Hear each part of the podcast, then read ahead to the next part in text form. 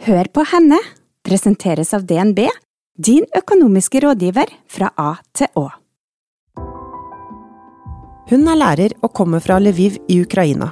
Selv bor hun trygt i Norge, men krigen gjør henne fortvilet og redd for familie og venner i hjemlandet. Det var kjærligheten som brakte henne til Molde, men livet ble ikke helt som hun hadde drømt om da hun brått og brutalt mistet ektemannen. Olga Karpinets Sylte, velkommen til Hør på henne. Tusen takk. Hvordan går det? Veldig bra, takk. Du flyttet til Norge for 20 år siden. Fortell om hvor du kommer fra, og hvorfor du flytta hit. Jeg kom etter kjærlighet, den store kjærlighet som drev meg å komme hit til Norge. Opprinnelig er jeg fra Lviv, det er jo Vest-Ukraina. Egentlig fra bitte liten landsby. Vi flytta til Lviv litt seinere opp i åra. Og så møtte jeg min mann. Ikke i Ukraina, men i Praha. Hvordan var det møtet? Ja, det var sånn eventyrhistorie. Jeg var jo student, og så som alle studenter har lyst til å tjene litt penger, og det var litt dårlige tider i Ukraina. Min mor og far var i utlandet, også i Praha, jobbet der.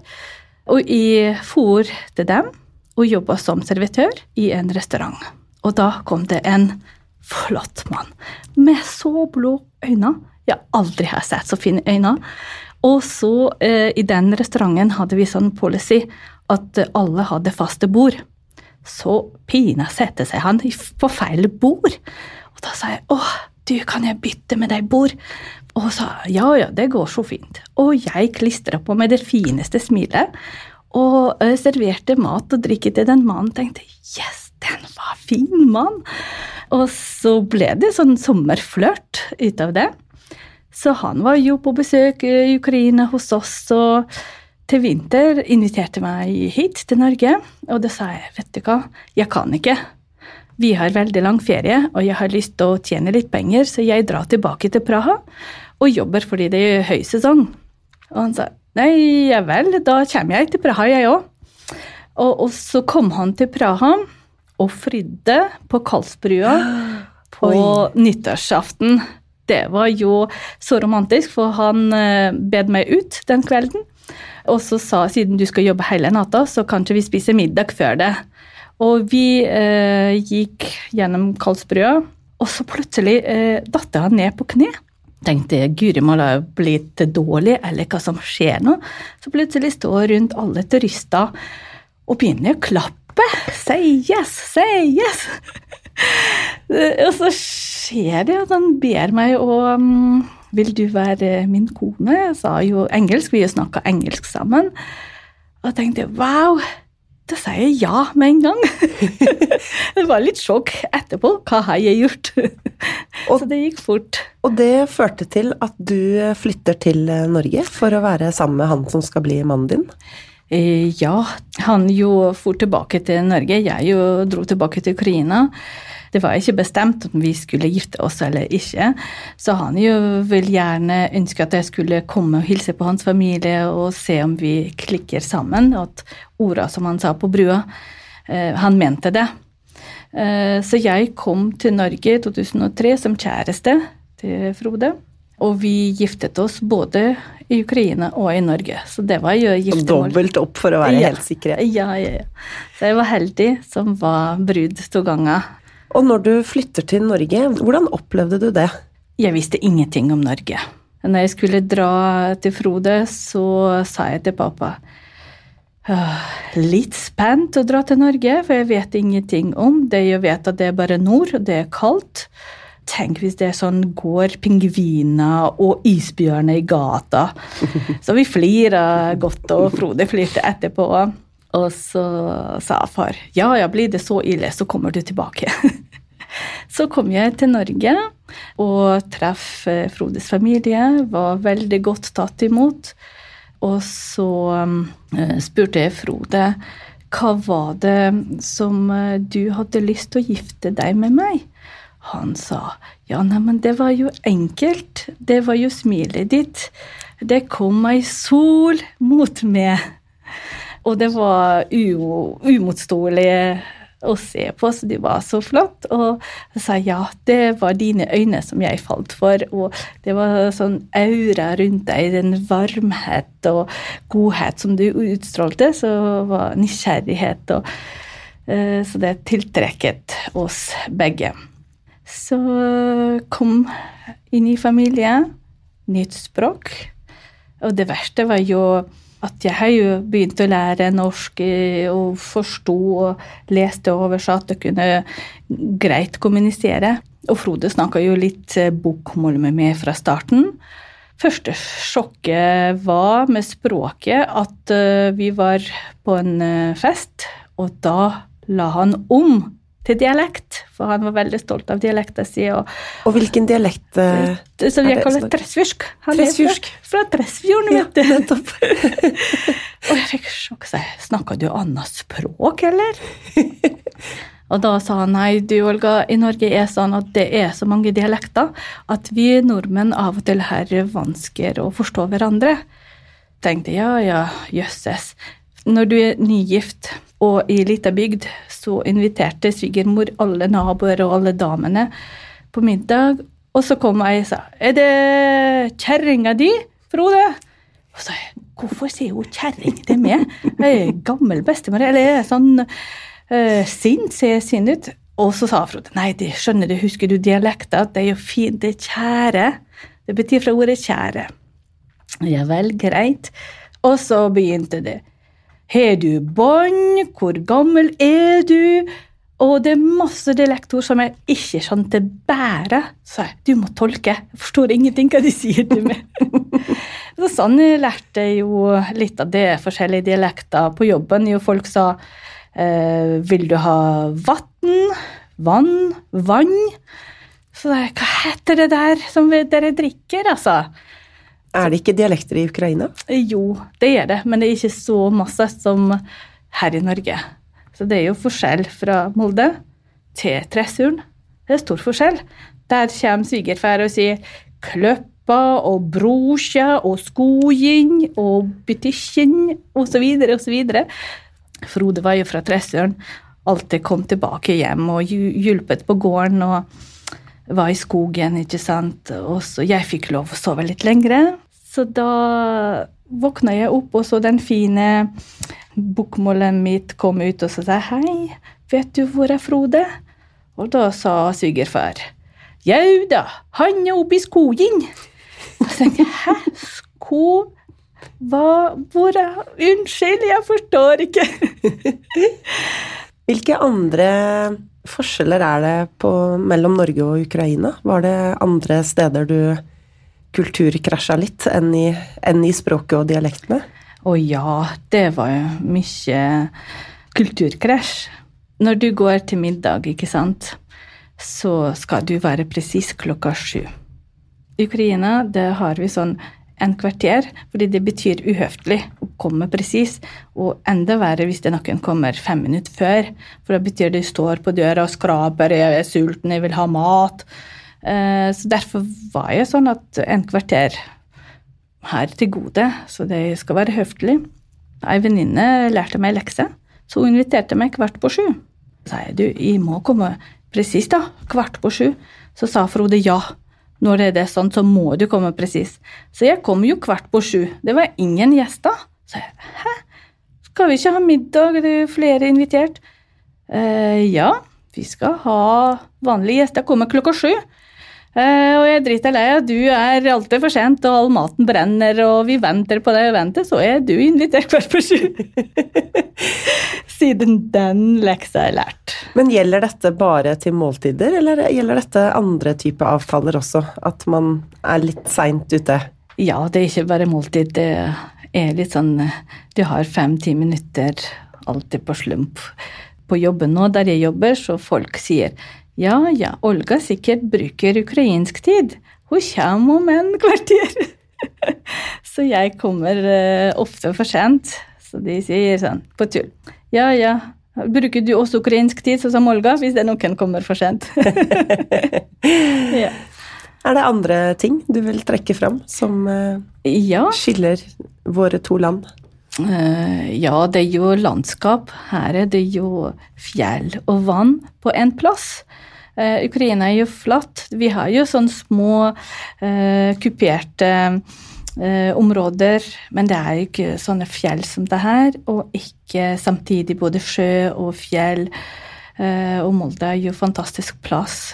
vi har jo masse skog og elver, men det er flatt. Det er jo mye varmere. Det er kalde vintre, men korte tidlig vår. Det betyr at det er mars begynner å blomstre, og folk setter inn poteter osv. Eh, veldig varme somre. Mens her kan være snø helt til mai. Eh, og så det må jeg bare fortelle litt om eh, klesstil òg. For eh, jeg opplevde nå eh, etter 20 år at eh, det er litt mer fristil. Du trenger ikke pynte seg. Mens jeg vokste opp, at alle damene skal være sminka, pynta. Alt skal være på stell, negler, håret, uh, fine klær. Det kan være tomt i kjøleskapet, men du har fine støvletter. Det skal være litt mer fasade. Sånn var ikke det her. Så når jeg var invitert til vanlig middag, vanlig bare spise midt i uka, så kom jeg overpynta, og så sier man hvor skal du? Ja, jeg skal jo til venninne på middag. Det er jo bare middag, hallo! så det var jo også sånn Hei, jeg skal jo pynte meg, skal jo til middag, og, og, vi skulle til bank, og alt var nytt, jeg skulle signere kort, og han jo hjulpet meg masse. Og da sa han vi skal til banken også, Olga, vi skal ikke til restaurant eller til bar eller sånn. Hvor skal du? Nei, jeg skal til banken, jeg må jo se fin ut. det var jo Ja, nå er jeg mer avslappet. Og så når du jobber på skolen, så lærer i min hode eh, Mitt hode, det var jo sånn Det, det også lærer i Ukraina er litt status. Eh, så det alltid var fine og pene, de lærerinnene eh, på skolen vår. Mens eh, når jeg kom hit, så sa jeg til Frode Nei, men du er lærer, du må jo pynte deg fint. Han sa Olga, jeg er jo gymlærer og skal ha jo T-skjorte og treningsbukser. Så det var jo også kulturkrasj at uh, lærere måtte pynte seg fint, og her var det uh, relax-stil. Og så det var morsomt om læreryrket til min mann. Han var veldig humoristisk. Så han sa til meg første gang at uh, han er lærer for kropp og sjel. Tenkte i alle dager. Hva er det? Sånn kropp og sjel-lærer? Et ny fag i Norge? Det er ikke sånn i Ukraina. Så prøvde jeg å fiske ut hva det er for noe. Og da sa han ja da, det underviser eh, gym og KRLE-religion. så gym på kroppen og KRLE til sjela. Ja, selvfølgelig. Han hadde jo både norsk to, eller sånn grunnleggende norsk, på Frene videregående. Og så um, reiseliv, som var veldig preget av hans uh, undervisning uh, og samfunnsfag. Så på dette tidspunktet så har du møtt uh, drømmemannen. Hvordan vil du beskrive livet med han? Det var spennende. Alltid humor i huset. Han var jo med glimt i øyet og visste hvilken knapp han kunne trykke på hvis jeg var litt sånn sint eller frustrert med noe som jeg fikk ikke det til, og han skulle rette og si hvordan jeg skal si det riktig på norsk.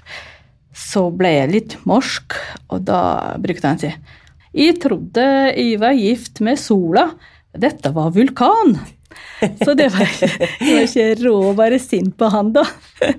Så alltid var snudd på Han var eh, positiv, forståelsesfull, jordnær hjelpsom og ikke bedømmende. Eh, aksepterte forskjell mellom oss og mennesker. Var utrolig interessert i alle slags kulturer og mennesker og måter å leve på. så Derfor han reiste veldig mye rundt i Europa. Eh, og det var Praha, en av de byene som har reist mest. Der traff vi eh, hverandre. Så får dere et barn sammen? Ja. Det var Eh, Livanne som kom til verden, jente, første barnet vårt. Og når vi fikk barn, så var det litt sånn dramatisk, for det var jo keisersnitt, og alle de rosa skiene forsvant. Eh, for vi har jo hatt sånn eh, kurs med farskap og morskap og hvordan det skal være fødsel, og det var så fint og rosa, og vi fikk video. Og virkeligheten var helt snudd på hodet. Eh, mens han klarte veldig bra. Han tok farsrolle med åpne armer, og så sa han til meg du, Olga, mens han holdt Levanne i armene. Beklager, men uh, hun prinsessa her kom på førsteplass nå. Du er på andreplass.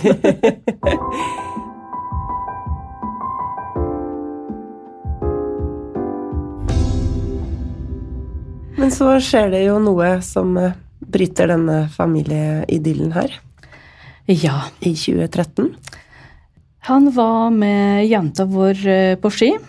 For han investerte all fritida til Livanne. Det var både ski, det var svømming, alltid tok henne på badeland. Eh, og så en dag, det var før påske, så vi jeg var veldig spent, for jeg trodde at eh, jeg var gravid igjen. Og så tenkte jeg å kjøpe graviditetstest, og det sa han. Du, vi kjøper test den 10. april, fordi da har du bursdag. Eh, så feirer vi dobbelt hvis du er gravid. Hvis ikke, så feirer vi bare deg, eh, og så blir det ikke så um, vanskelig å svelge at vi er ikke gravid. For vi veldig ønsket oss barn nummer to. Vi skulle jo på Bjorli. Vi, etter Bjorli skal vi til Tresfjorden og være sammen med faren hans.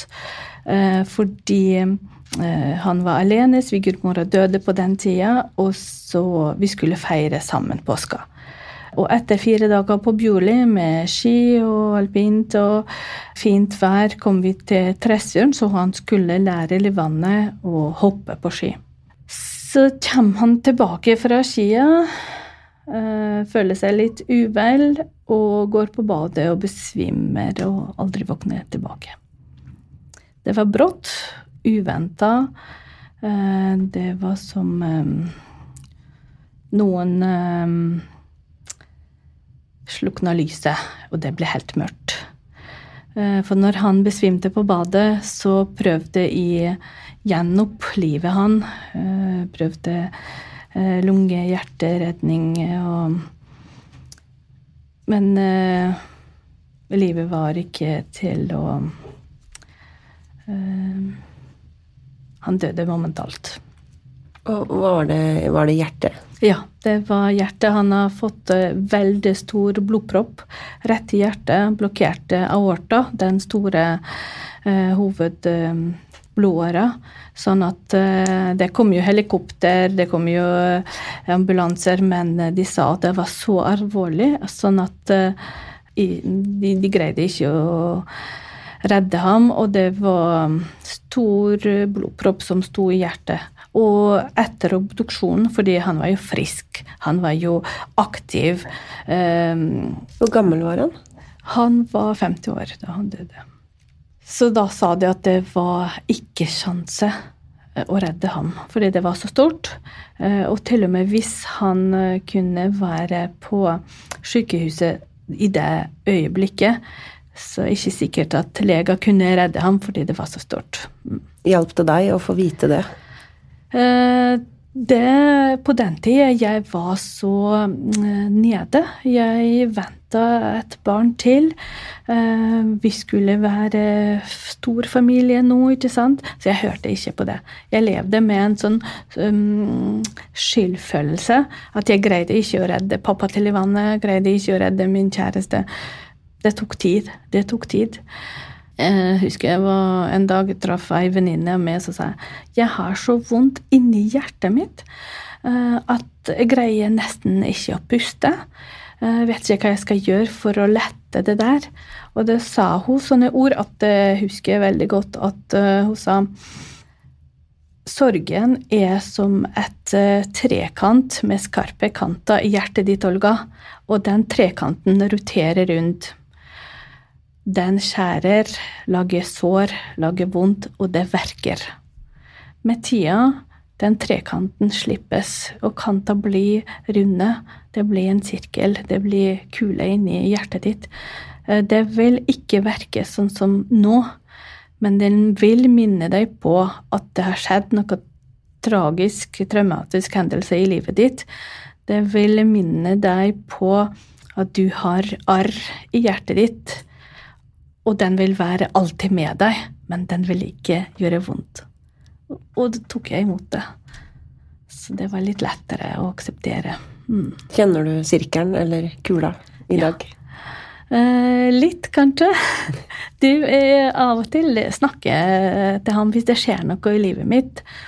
Han er gravlagt eh, på um, Atmeretiro Tøndegård? Eh, Tøndegård, ja. Mm. Uh, og steinen hans her jo bildet, det var med tanke på barna. At barna alltid har plass å komme til pappa og fortelle. Og det er litt sånn terapi til meg selv, for da kommer du dit, og ser du på bildet på Frode, og snakker du til en sånn som uh, levende person. For da ser du på bildet det er helt annerledes hvis du bare snakker til stein. Og når du mister mannen din, så mistenker dere jo at du var gravid, men han visste det jo ikke sikkert. Mm. Hvordan reagerte du da du fant ut det? Tok du testen den 10. april? Ja, jeg gjorde det. Eh, det Svigerinna mi kjøpte test, og så sa hun ja, vi må ta Olga, vi må ta testen. Eh, og det var jo positivt. Det var, jeg var jo gravid. Det var jo glede, og samtidig jeg gråt som en unge.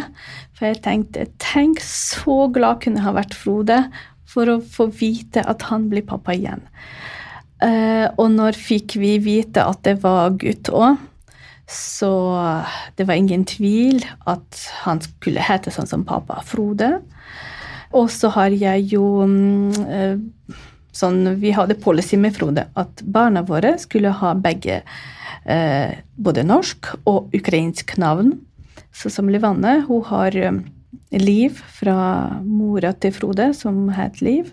Og Anne er Anna i Ukraina. Vi har A-endelse på navnet eh, til jenter. Men så sa Frode ja, det er Livanne, det klinker. Det høres bedre enn Livanna. Så derfor ble det Livanne. Og når Frode skulle bli født, så tenkte jeg at uh, min jo morfar het uh, Theodor. Og det mamma fortalte så mye bra om den mannen. Han var så snill, han skulle hjelpe hele landsby. Han var så dyktig, flott kar. Tenkte jeg det passer til min sønn, det er det navnet. Og i tillegg Theodor, det betyr Guds gave. Theo, det er Gud. Doros, det er gave. Det er jo gave. Guds gave fra Frode til meg. Eh, og ikke minst når Frode ble født. Det var helt kopi av pappaen sin. Og samme glimt i øyet, og alltid gjør sånn at vi eh, ler og morsom, har den humor som pappa det er helt uvirkelig at han eh, Vi var på besøk til søstera hans, eh, og så sov på rommet, eh, sånn gjesterom, og så hun har sånn at hun henger opp masse bilder på veggene. Og han sa 'Tante, tante, se, det er jo meg. Hvorfor har du bilde av meg?' Og så sa han 'Du, det er så morsomt at du spør, for det er jo bilde av pappaen din, og du er så lik pappaen din'. Så du ser Frode egentlig litt? Mm. Litt av Frode hver dag? Mm. Mm. mm. Tenker du at det er mulig å møte kjærligheten igjen? Eh, ja, det tror jeg. Vi jo mennesker er laga sånn at vi bor i par. Vi trives i par. Eh, og selvfølgelig, det vil være kjekt, både for unger og for meg, å ha en person å dele både sorg og glede, hverdager, reise sammen å klemme noen og si god natt. Eh, eller hei, hvordan gikk det dagen i dag? Jeg tror på kjærlighet, og så blir det kjærlighet videre, så blir det. Så det døra åpen, ikke lukka. Hei, jeg heter Kine og jobber på næringslivsavdelinga i DNB Molde. Vi har hjulpet mange bedrifter å lykkes. Uansett hvor du er på din gründerreise, gir vi deg verdifulle råd på veien. Vi i DNB Molde vil være tilgjengelig for det når du har behov for økonomiske råd fra A til Å. Gå inn på dnb.no for å avtale et rådgivningsmøte med oss. Hvordan trives eh, du i Molde i dag? Lever du et eh, godt liv? Ja, jeg trives veldig godt. Eh, Jeg har jo drømmejobben, jeg har jo to flotte unger, og Molde er jo fantastisk plass. Eh, 30 minutter så er du på fjellet, oppe i marka, du kan jo gå turer. Det har jo sjø, du har mm, fjell, eh, så det er paradis. Og når du har venner, jobb, unger, eh, hobby spiller i korpset, signaldame. Debuterte i fjor på 17. mai. Så jeg trives veldig godt. Jeg tror jeg begynte å spre røttene mine inn i jorda her. Mm. Du nevnte jo drømmejobben, at du har den. Mm. Hva, er, hva er det? Det er jo lærer. Jeg er utdanna hjemmefra som eh, eh, engelsklærer. Fullførte universitetet i Lviv eh, som filolog, og elsker å lære språk.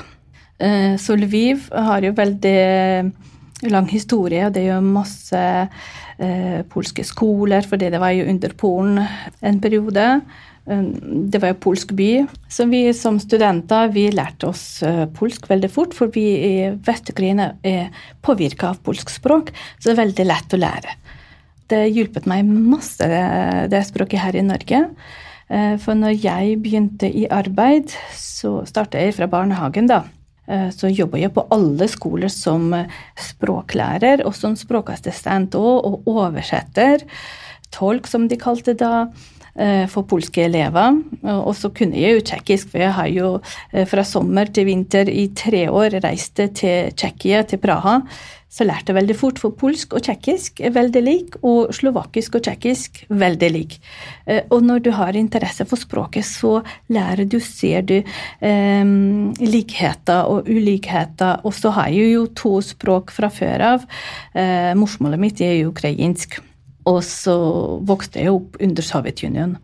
Uh, ukrainsk var jo bondespråk, det var upopulært. Vi måtte snakke ordentlig språk. Det var jo russisk. Og da var det nesten som morsmålet mitt. Uh, og med det, med engelsk og litt fransk og andre sånn tysk vi lærte på eh, universitetet, så, så det var interesse for språket. Så du snakker i ganske mange språk. Nå har jeg nå telt opp en fem-seks allerede. Ja, og det trives jeg veldig med, og elsker og har lyst til å lære mer. Har lyst til å lære mer.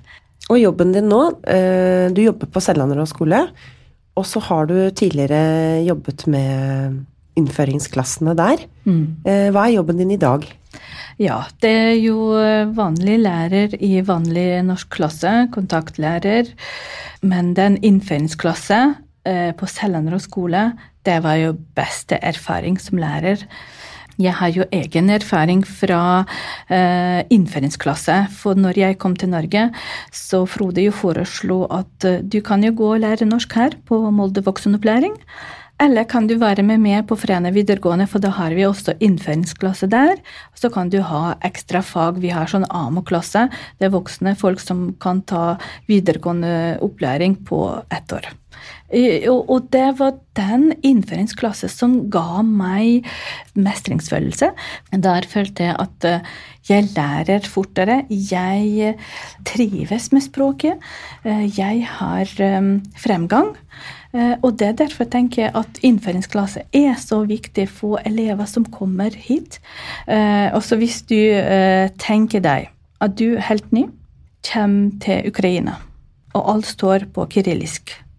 Du skal lese bok, alt står på kyrillisk, og du kan ikke den. Eh, Lærer snakker med mild stemme, med smil. Du forstår ingenting. Snakker ukrainsk. Elever prater med deg, har lyst til å leke med deg, og du har så fine klær og sånt, de syns at du er så kul. Men du er stum. Du føler deg mislykka. Du føler deg dum, for du greier ikke å formidle. Det er ikke nok kunnskaper. Eh, og det er det eh, som jeg savna, fordi det var jo språkbad i innføringsklasse. Barna har hatt 25 timer i uka eh, og lært det fra bunn. Har du solid fundament, kan du bygge vegger og tak. Og dette legger altså Molde kommune ned. De legger jo ned innføringsklassene. Hva tenker du om det? Ja, det dummeste jeg kunne ha gjort. Fordi det var ikke eneste faglig grunn for å legge ned. Det var kun økonomi. Og hvilke konsekvenser får det? Ja, det er jo store konsekvenser. Det kan jo tenke deg at eh, det kommer uh, barn fra hele verden til Norge, til Molde òg. Thailand, Sør-Korea, Ukraina, Russland, Polen, Litauen, Lita, uh, Latvia alle har forskjellige språk, forskjellige alfabeter, forskjellige lyder. Det går ikke an å lære dem inn i klassen der kun norsk undervisning, norsk tema. Eh, det går ikke an å lære dem på det samme måte som i innføring. Har du noe håp om at eh, innføringsklassen kan bli tilbakeført? Jeg håper virkelig fordi det gir så mye til elever, til kommunen, eh, at hvis du ikke investerer i noe, så da får du ikke resultat. Investerer du i skole, du får jo solhistorier forskjellige som lykkes. Investerer du ikke, så får du tapere, utenforskap, du får eh, skolevegrere. Barna skal trives på skole, barna skal mestre føle mestringsfølelse. Det er jo viktig. det er Derfor har vi lyst til å gå på jobb, for vi føler mestrings, mestringsfølelse. Akkurat samme barna. Når de ikke får nok eh, hjelp, når det er, blir nedskjæring, lærer eh, blir ikke viktig, og klassene blir større og større og større, det blir ikke resultat. Det blir grøt, og det blir Nav-søkere, og det blir dyrt for kommunen. Eh, og forsørge etterpå alle de som eh, dropper skolen, som får ikke nok opplæring. Og vi har jo veldig mange flerspråklige elever som trenger sårt hjelp. Du har jo jobba 15 år i norsk eh, skole nå. Hvordan vil du si at lærerrollen har utvikla seg? Eh, ja. Eh, det mye mer pålagt på lærere. Jeg husker når jeg starta bare på skolen for 15 år siden, så var det førsteklassinger skulle lære én bokstav i uka. De skrev bokstaven, de snakka, tegna, forma med plastelina, brukte motorikken, brukte eh, hendene sine, og da har du sjanse at du lærer den bokstaven og husker. Nå tre bokstaver i uka. PS.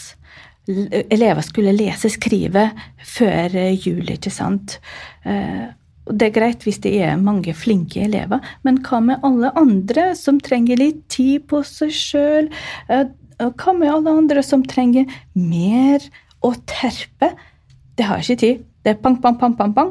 Lærere er pålagt mer og mer og mer. og mer.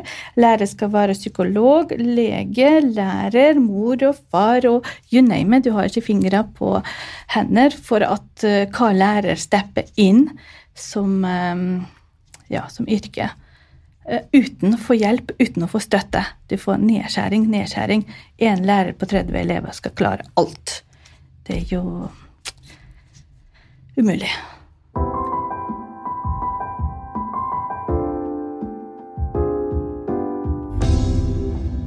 Du kommer jo da, som du har fortalt, fra Lviv vest i Ukraina. Eh, hvordan har du det egentlig nå, når du tenker på hjemlandet ditt? Familien din der, og, mm. og venner? Nei, si det. Det er veldig um, sårt, da. For jeg har jo familien der. Jeg har mor og far. Jeg har bestemor Carolina, eh, som er helten min. Og så har jeg eh, søsken. Jeg har uh, søster med familie, to barn og mann. Jeg har bror. Og selvfølgelig har jeg ei lillesøster som har kommet her til Norge. Men uh, hun kommer for ti år siden, så det er jo hun godt etablert her og flink musiker. Jeg tenker mye på dem.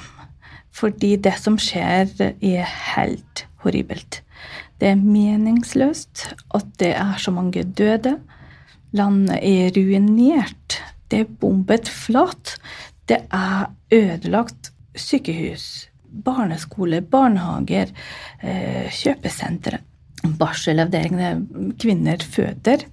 Det er ødelagt teater der står eh, barn på. Det henger ikke på grep. Eh, det er ikke rasjonelt. Det er helt galt. Og jeg får vondt i hjertet mitt å tenke på alle barna som ikke får komme på skole. Mammaene som ikke får tilbake sønnene sine. Det er jo helt grusomt at det skal skje midt i Europa. Det er veldig vanskelig å snakke om, fordi det ble løyet så lenge. Putin jo sa at han vil jo aldri angripe Ukraina. Det er jo brødrene våre, sa han. Og det er det jo virkelig. Mm. Og så neste måned går han og bomber flatt. Og lyver til alle i, rett i fleisen. Hvordan er det for deg å sitte her i Norge og være trygg og på lang avstand, men samtidig ha den nærheten du har da, til Mm. hjemlandet ditt? Ja. Det, det har du lyst til å hjelpe umiddelbart. Fordi du kjenner røttene dine. Du er fra Ukraina. Mm, Du har så lyst til å hjelpe til at ingen skal lyde, ingen skal ha det vondt. Og så har jeg gjort det. Eh, Jeg husker det første starta, så eh, svoger har tre brødre. Så han sa lillebroren er tatt til militæret. Og da trenger de hjelm, de trenger eh, sikkerhetsskudd, vester, eh, klær. Det er så mange gutter som blir tilkalt til militæret, så de har ikke nok. Vi må hjelpe til. Og da med en gang ringer jeg til en kollega som har eh, vært hjemmeværende og har masse klær, og så tenker jeg ja, jeg spør han. Og så tar vi sånn eh, runde, han ringer til andre, og så plutselig får jeg 50 kilo med militærutstyr, eller sånn, ikke utstyr, men sånn klær, sko, eh, jakker, eh, ry- ryggsekker. Eh, så samler vi penger til hjelm og til skuddsikkerhetsvest, og sender vi dit. Og når de gutta sender oss tilbake bildet 'Tusen takk for hjelpa', så får du sånn god, varme følelse. 'Yes, det kom til rette'. Eh, Da får de kle seg, de blir ikke kalde, og så hjelpe dem med det jeg kan, da. Nå er det krigen nesten et år, og vinter kaldt. Så husker han sier vi samler eh, varmeklær, og så samler vi soveposer. Og jeg bare nevnte et ord soveposer. Så kom en kollega, og så kom andre kollega og venner og sånn. Da ble plutselig stor eh, søppelsekk med ti soveposer som sendt til Ukraina. Og hvordan er området du er fra, ramma Eh, Det er ikke ramma veldig. direkte? Nei, det var litt sendt litt bomber, men det var jo sånn på eh, kraftverk, og da hadde de ikke vann, de har ikke strøm.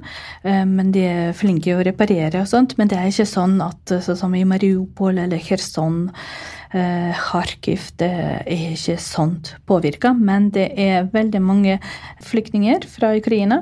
Vi må jo tenke, Ukraina hadde jo trang økonomi fra før av.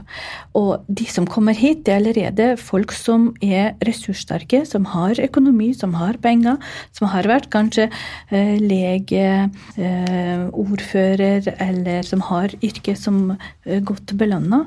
Så de har jo penger. De som har ikke penger, er Ukraina, eller nærmeste Polen, Moldova, de der. Eh, Så Lviv er tilrettelagt til mange flyktninger. På skoler, på mange internater sover folk. Det blir laga sånne eh, soveplasser, rett og slett. Mange kafeer åpner for varm mat, gratis mat. Så det er helt eh, Folk ble veldig opptatt av å hjelpe hverandre, og det som eh, Putin tenkte å knuse oss, det gjorde han motsatt. Det gjorde han enda mer sterkere. Hvordan går det med dine nærmeste familiemedlemmer, altså foreldre og ikke minst din kjære bestemor, Carolina? Ja, eh, nei, de jo lever i krig. Eh, ånden, da. Eh, både bror og far hadde lyst til å melde seg som frivillige og hjelpe til. Fordi du trenger ikke stå på første rad og skyte og være aktiv. Du kan jo kjøre, bringe osv. Bestemor forstår ikke så mye med krig fordi hun har fått demens. og så Hun er akkurat nå, her og nå, og så syns du det er litt merkelig når det blir uh, uling av syrene og sånt, og så glemmer hun. Men det kanskje er bra for henne at hun slipper å oppleve det på nytt. Hun, hun har hatt uh, tøft liv og var foreldreløs da hun var to år.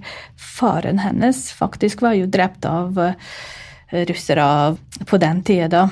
Vokste opp med besteforeldrene sine kjempesterk. Hun jobber som økonom og alltid blid. eh, Alltid mm, positiv. Så jo, hun var jo den eh, som ga meg litt styrke når mannen min døde, fordi hun mista også mannen sin da hun var bare 40 år. Eh, Og så sa hun livet fortsetter. Du må nyte hver eneste minutt av livet ditt, fordi du vet ikke hva som skjer i morgen. Det sa hun til meg. Så det var jo veldig gode ord. Og så ikke opp. Stå opp og møte folk med smilet. Eh, for smilet er så smittsomt. Møter du en med smilet, så smiler de tilbake. Så det jeg har lært fra henne.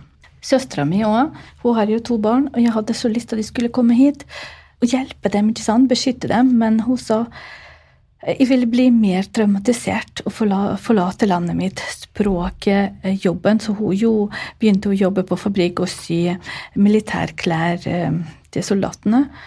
Så hun ville ikke reise. Hvordan takler du de sterke inntrykkene og rapportene som kommer hjemmefra, når du lever her mm. et privilegert og fredelig mm. liv? Ja, det er av og til står jeg maten midt i halsen, og så tenker du de andre er sulten. De andre har ikke det jeg har. Så jeg bruker å sende både mat og klær og samle ting til Ukraina. Har du ofte kontakt med familien din? Ja, det har jeg. Det har jeg nesten hver dag, fordi det er jo noe Eh, digitalisering eh, gjør så enkelt. Det er jo FaceTime, det er jo eh, forskjellige medier som vi kan jo kommunisere og se hverandre og spør hvordan gikk dagen i dag. Og ja, det var jo fire timer med luftalarm, at vi måtte sitte i kjelleren. Og ja, det var sånn og sånne opplevelser. Og det er jo samtidig folk blir syke og sykdommer og ja. Sånn vanlig liv. Mens du har også i tillegg krig på nakken. Mm. Man kan jo føle på hjelpeløshet når det mm. gjelder krig og konflikter og mm. menneskeskjebner, men eh, noe kan man jo gjøre. Og du er jo frivillig i Røde Kors. Ja, jeg har jo meldt meg med en gang det starta krigen, så det var jo kontakta fra um, flyktningtjeneste. Han Morten Myken sa du Olga, jeg vet at du er fra kryen og snakker mange språk. Har du lyst til å hjelpe til, eller har du lyst til å etablere en sånn ukrainsk forening her? Og så sa jeg ja, jeg vil jo melde meg på alt på Røde Kors, på alt, på alt, på alt. Jeg vil hjelpe, ja, stå først i kø. Det språket som jeg bidrar, jeg var jo vi kalte det møteplassen, for at, at ukrainere kunne samles på Røde Kors. Uh, og så bytte informasjon om hverandre, hjelpe hverandre, hva vi kan bidra med. ikke sant? Og da var det tolketjenesten min kom til rette. Det er vel en 350 flyktninger uh, ja. fra Ukraina i Molde nå, og det skal komme flere. Hvordan uh, har de det? jeg tror at de har veldig bra i Molde, da. Fordi de kommer rett på tilbud. At de får hus, de får leilighet. De får sånn koordinator som hjelper og veileder med ID, bank, eh, med alle de opplysninger de trenger. Så de har jo en person som de skal henvende seg til de har det veldig godt her. Og de eh, sier veldig positivt, og så takknemlig. Eh, fordi de får eh, både hjelp med klær og mat og veiledning og går på skole og lærer. Og de sier de har ikke opplevd maken at noen sier 'vær så god, her er norskopplæring', så går de på voksenopplæring og lærer seg norsk, og, og de er sånn ivrig. Er, 'Ja, jeg vil jobbe nå'. Eh, og da må vi si 'ja, bare vent litt'. Må lære deg norsk først. Språket først. Språket først, fordi det kan komme masse rare ting uten språk. Når jeg var gravid, og så sa legen til meg du må ha urin, eh, vi må ha prøve, og så, så husker jeg ikke hva jeg skulle kjøpe på apoteket. Så jeg gikk i barnehagen sånn og sprang ut på do og inn og så husker ordet. Hva heter det jeg skulle kjøpe på apoteket? Og så alle jo Jeg var jo ny i Norge. Øh, tre år bodde i Norge da. Uh, og så husker kollegene sa noe sånn urinblære, urinblære. Mm, kanskje det skal jeg kjøpe. Så jeg kom på apoteket og så sa du, hei. Og så som jeg så at alle nordmenn var så høflige, venta så lenge i kø og trakk lappen. Og jeg uttrakk lappen til medisin og sto i kø og sa hei, eh, jeg vil kjøpe urinblære. Og så ser hun sånn på meg og sier du, men det har du inni det. Hæ? Jeg har ikke, jeg vil kjøpe! Så kan du tenke deg hvor morsom hadde de på apoteket. Trakk kølapp for å kjøpe urinblære. Fantastisk. Og så sa hun det du trenger, det heter uringlass. Å ja, er det det? Ja, takk, greit. Altså, uringlass. Da kom Frode og sa Vet du hva jeg har kjøpt på apoteket i dag? Jeg har kjøpt urinblære. og det har jeg lyst til å si til alle som skal lære språk. Ikke være redd å snakke. Tør å snakke. Tør å gjøre feil. tør å si morsomme ting, for da husker du etterpå.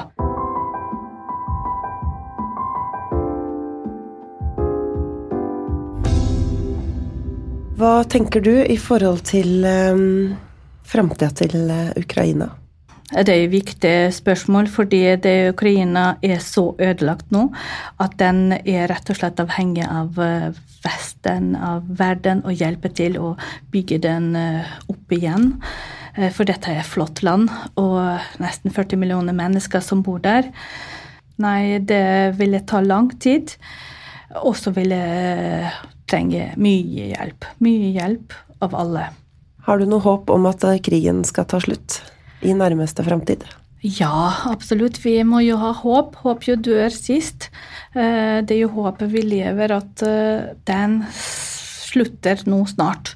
Nå må det slutte. Det er nok folk døde. Det er nok lidelser og tragedie og helt horribelhet og elendighet. Det må sluttes nå. Hva skal til for at krigen skal ta slutt? Det er vanskelig, det som sa hun eh, Olena Zelenska og kona til presidenten. Eh, I vanlige omgivenheter jeg vil aldri bli, be om eh, våpen. Men akkurat nå Putin forstår ikke andre midler. Han forstår bare våpen, tenker jeg. Ukraina må bare vinne. For hvis de ikke vinner Ukraina, så går de videre tenker. Det er jo sånn imperie, det er jo diktatur som vil ha makt og herske over andre land, og det skal ikke skje. Alle skal jo være fri og leve i fritt land og gjøre det de liker, og ikke bombes og gjemmes i kjellere og være redd og si hva de mener. Og være redd for livet sitt og redd for barnas liv. Mm. Olga, hva har livet lært deg så langt? Har du noe råd som du vil dele med andre? Ja, livet lærte meg å ikke gi opp. Tenke mm, kreativt. Ikke tenke så mye hva folk sier, for folk har eh, nok med sine problemer. Og ikke tenke ja, kanskje de sier sånn og sånn. Kanskje de tenker at jeg er ikke god, ikke bra. Det slutta jeg med etter eh, min mann døde, fordi tenkte jeg at eh, jeg har nok med mine problemer, så jeg bryr meg ikke om hun kommer to forskjellige sokker. Uh, og det er samme med folka. Folk har sine problemer, og så tenker på sitt. Og derfor du skal tro på deg sjøl, ikke gi opp, og fullføre drømmene dine.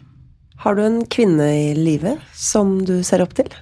Ja, det må jo være min helten, min mormor, bestemor Carolina.